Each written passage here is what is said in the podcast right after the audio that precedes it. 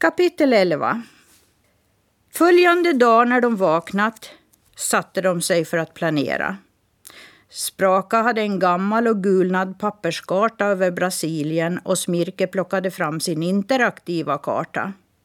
De kunde konstatera att det var väldigt långt till Teresopolis. Det skulle vara svårt att ta sig fram med människornas transportmedel så de fick fundera ut någonting annat. Släden var ju på väg, men hur skulle de kunna få ett meddelande till Serafina så hon kunde plocka upp Smirke? Serafina var ju gammeldags och vägrade att använda apparaterna som fanns nu för tiden. Vilka färdas snabbt och långt här i landet? frågade Smirke. Ska jag kunna lyfta med en fågel? Goddag, goddag, sa Polly. Jag känner några långflygare som jag kan fråga. Hon gav sig genast iväg. Men när jag hälsar på er i tomtelandet så skickar de en sån där automatisk swishare efter mig. Du tror inte att de kan göra det nu med? Och så tar du den till Teresopolis? undrade Spraka. Ja, det är ju en bra idé. Ska genast kolla med chefen, sa Smirke. Han tog sin rapportapparat och skickade iväg en förfrågan. Efter en stund kom svaret. Alla swishar är just nu ute på uppdrag så du måste komma på något annat sätt att ta dig till ditt mål. Jaha, det var det det. Nå, då får vi se vad Polly hittat, suckade Smirke. Han hade knappt sagt det innan det fladdrade till utanför och Polly tittade in med rufsiga fjädrar. Goddag, goddag! Nu har jag med mig flygtransporten, ropade hon medan hon vinkade att de skulle komma ut. Utanför stod en jättestor fågel. Den var svart med en lysande röd påse på bröstet och en lång krokig näbb.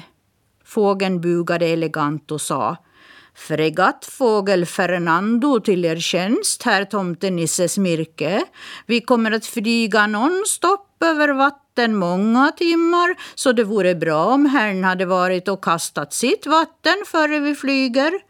Ta med matsäck. Vi lyfter om tio minuter. Smirke fick bråttom att gå bakom knuten och Spraka packade ihop en rejäl matsäck åt honom. Sen sa de hej då och kramades och Polly sa goddag, goddag och buffade till nissen lite försiktigt. Smirke klättrade upp på Fernandos rygg och spände fast sig ordentligt.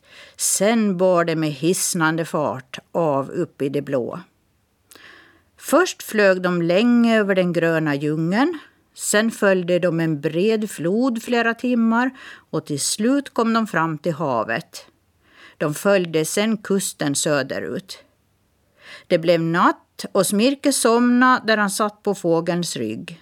Han vaknade av att Fernando dök rakt ner mot vattnet och fångade en fisk till frukost. Sen rakt upp igen och flygturen fortsatte.